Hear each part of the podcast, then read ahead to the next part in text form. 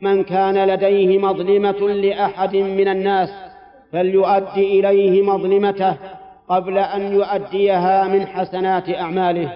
فإن الإنسان إذا لم يؤدي المظالم التي كانت عليه في الدنيا أخذت من حسناته يوم القيامة.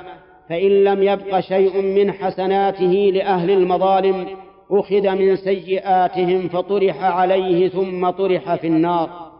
وهذا والله هو الإفلاس أن يأتي الإنسان يوم القيامة بحسنات ثم تؤخذ ثم تؤخذ لمن ظلمه في هذه الدنيا.